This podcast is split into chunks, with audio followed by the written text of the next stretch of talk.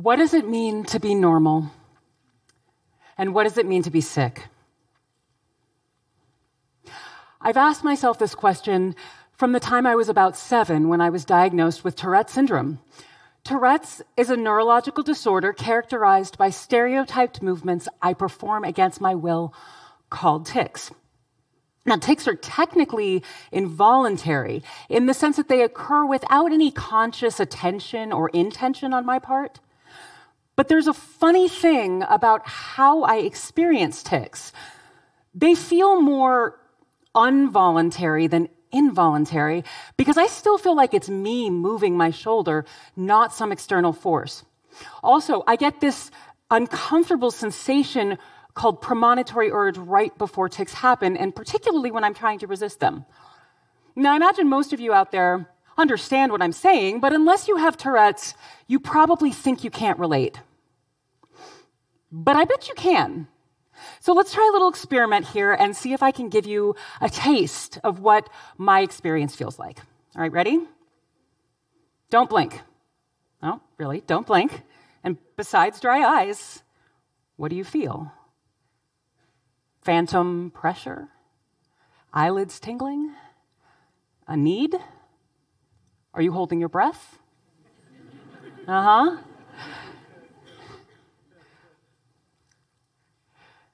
That's approximately what my tics feel like.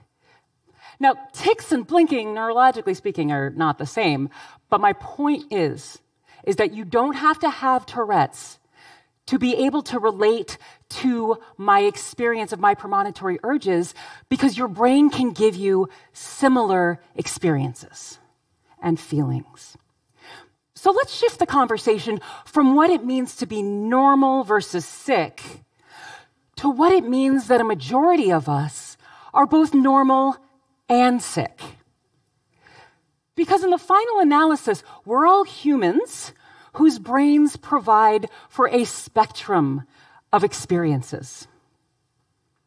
And everything on that spectrum of human experiences is ultimately produced by brain systems that assume a spectrum of different states. So, again, what does it mean to be normal? And what does it mean to be sick when sickness exists on the extreme end of a spectrum of normal? As both a researcher who studies differences in how individuals' brains wire and rewire themselves, and as a Touretteer with other related diagnoses, I have long been fascinated by failures of self regulation on the impulsive and compulsive behavioral spectrums because so much of my own experience of my own body and my own behavior has existed all over that map.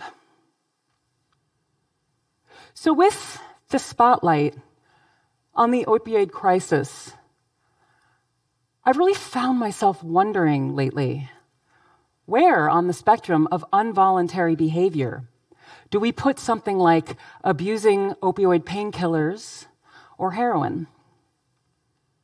By now, we all know that the opioid crisis and epidemic is out of control.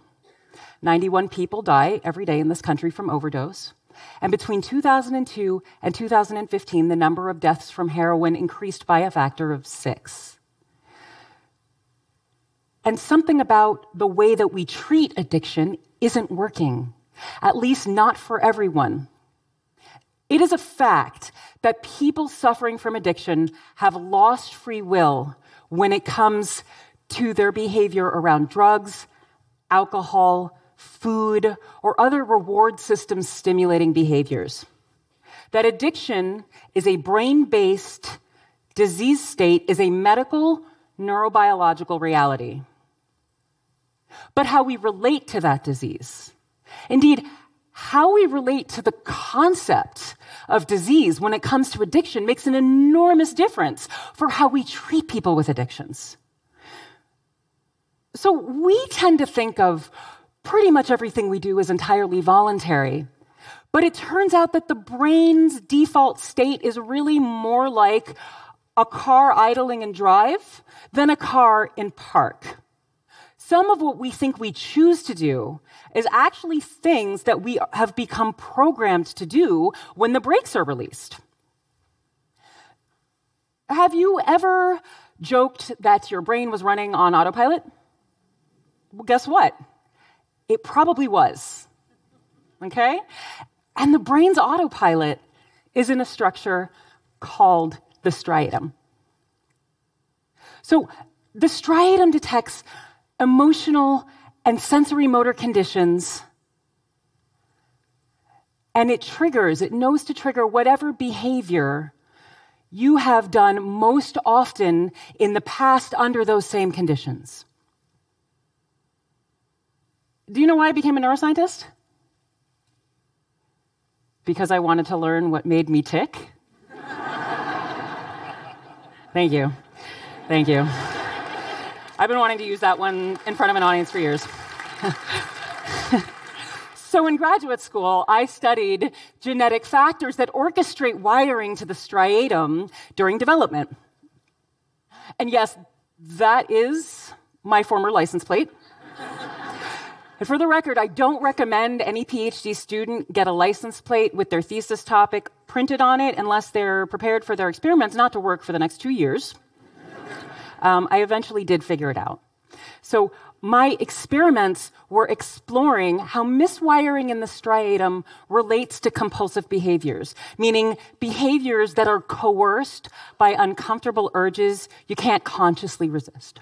So I was really excited when my mice developed this compulsive behavior where they were rubbing their faces and they couldn't seem to stop even when they were wounding themselves. Okay, excited is the wrong wrong word. okay, I, I actually felt I felt terrible for them. I thought that they had tics, evidence of striatal miswiring. And they were compulsive. But it turned out, on further testing, that these mice showed an aversion to interacting and getting to know other unfamiliar mice, which was unusual, it was unexpected. The results implied that the striatum, which for sure is involved in compulsive spectrum disorders, is also involved in human social connection and our ability to, con- I'm not human social connection, but our ability to connect. So I delved deeper into a field called social neuroscience. And that is a newer interdisciplinary field, and there I found reports that linked the striatum not just to social anomalies in mice, but also in people.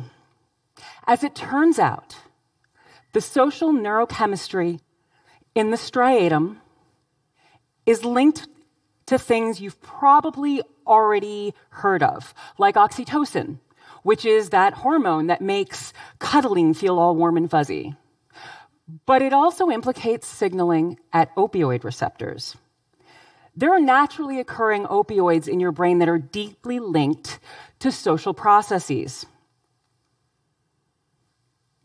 Experiments with naloxone, which block opioid receptors, show us just how essential this opioid receptor signaling is to social interaction. When people are given naloxone, it's an ingredient in Narcan that reverses opioid overdoses to save lives. But when it's given to healthy people, it actually interfered with their ability to feel connected to people they already knew and cared about. Okay, so something about not having opioid receptor binding makes it difficult for us to feel the rewards of social interaction. Now, for the interest of time, I've necessarily gotten rid of some of the scientific details, but briefly, here's where we're at. The effects of social disconnection through opioid receptors, the effects of addictive drugs, and the effects of abnormal neurotransmission on involuntary movements and compulsive behaviors all converge in the striatum. And the striatum and opioid signaling in it has been deeply linked with loneliness. Okay? When we don't have enough signaling at opioid receptors, we can feel alone in a room full of people we care about and love who love us. Social neuroscientists like Dr. Cacioppo at the University of Chicago have discovered that loneliness is very dangerous. And it predisposes people to entire spectrums of physical and mental illnesses. Think of it like this when you're at your hungriest, pretty much any food tastes amazing, right? So, similarly, loneliness creates a hunger in the brain, which hypersensitizes, neurochemically hypersensitizes our reward system. And social isolation acts through receptors for these naturally occurring opioids and other social neurotransmitters to leave the striatum in a state where its response to things that signal reward and pleasure is completely, completely over the top. And in this state of hypersensitivity, our brains signal deep dissatisfaction. We become restless, irritable, and impulsive. And that's pretty much when I want you to keep the bowl of Halloween chocolate entirely across the room for me because I will eat it all. I will. And that brings up another thing that makes social disconnection so dangerous. If we don't have the ability to connect socially, we are so ravenous for our social neurochemistry to be rebalanced, we're likely to seek relief from anywhere. And if that anywhere is opioid painkillers or heroin, it is going to be a heat seeking missile for our social reward system. Is it any wonder people in today's world are becoming addicted so easily? Social isolation,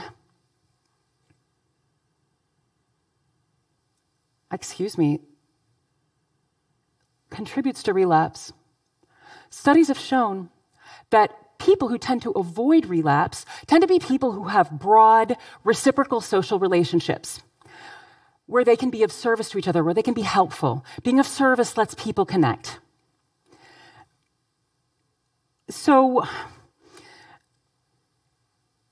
if we don't have the ability to authentically connect, our society increasingly lacks this ability to authentically connect and experience things that are transcendent and beyond ourselves. We used to get this transcendence from a feeling of belonging to our families and our communities, but everywhere, communities are changing. And social and economic disintegration is making this harder and harder. I'm not the only person to point out that the areas in the country most economically hard hit, where people feel most desolate about their life's meaning, are also the places where there have been communities most ravaged by opioids. Social isolation acts through the brain's reward system to make this state of affairs literally painful.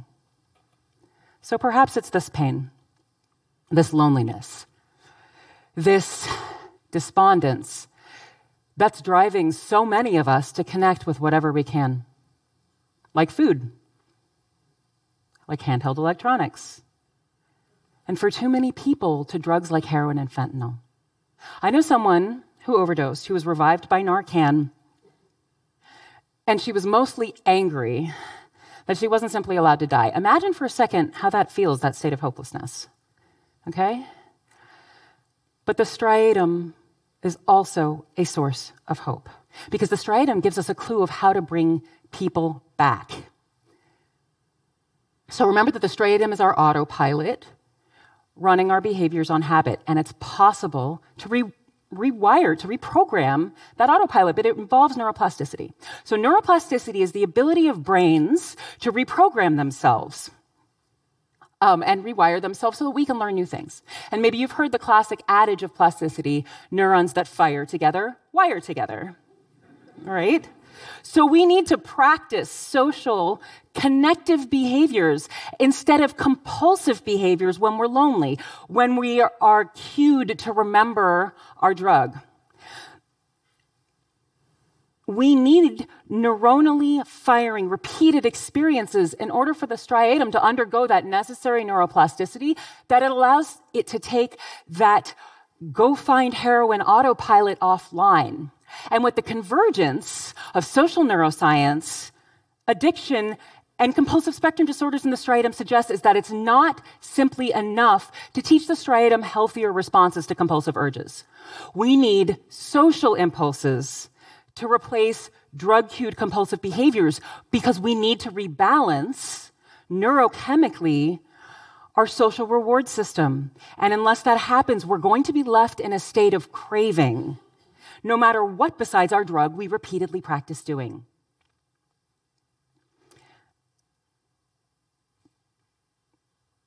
I believe that the solution to the opioid crisis is to explore how social and psychospiritual interventions can act as neurotechnologies in circuits that process social and drug induced rewards. One possibility is to create and study scalable tools for people to connect with one another over a mutual interest in recovery through psychospiritual practices. And as such, psychospiritual practice could involve anything from people getting together as mega fans of touring jam bands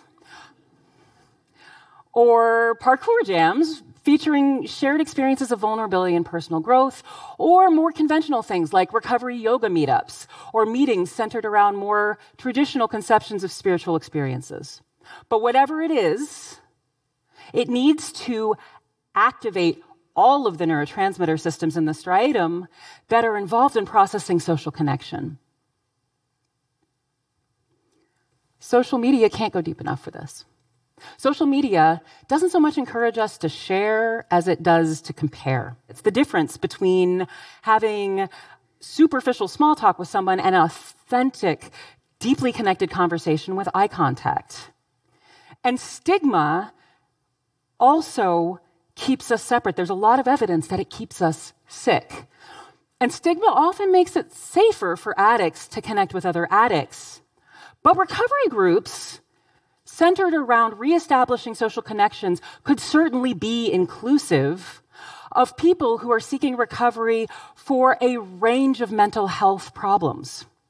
My point is, when we connect around what's broken, we connect as human beings. We heal ourselves from the compulsive self destruction that was our response to the pain of disconnection. When we think of neuropsychiatric illnesses as a spectrum of phenomenon that are part of what make us human, then we remove the otherness of people who struggle with self destruction. We remove the stigma between doctors and patients and caregivers. We put the question of what it means to be normal versus sick back on the spectrum of the human condition.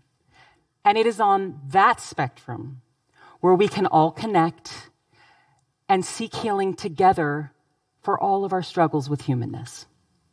Thank you for letting me share.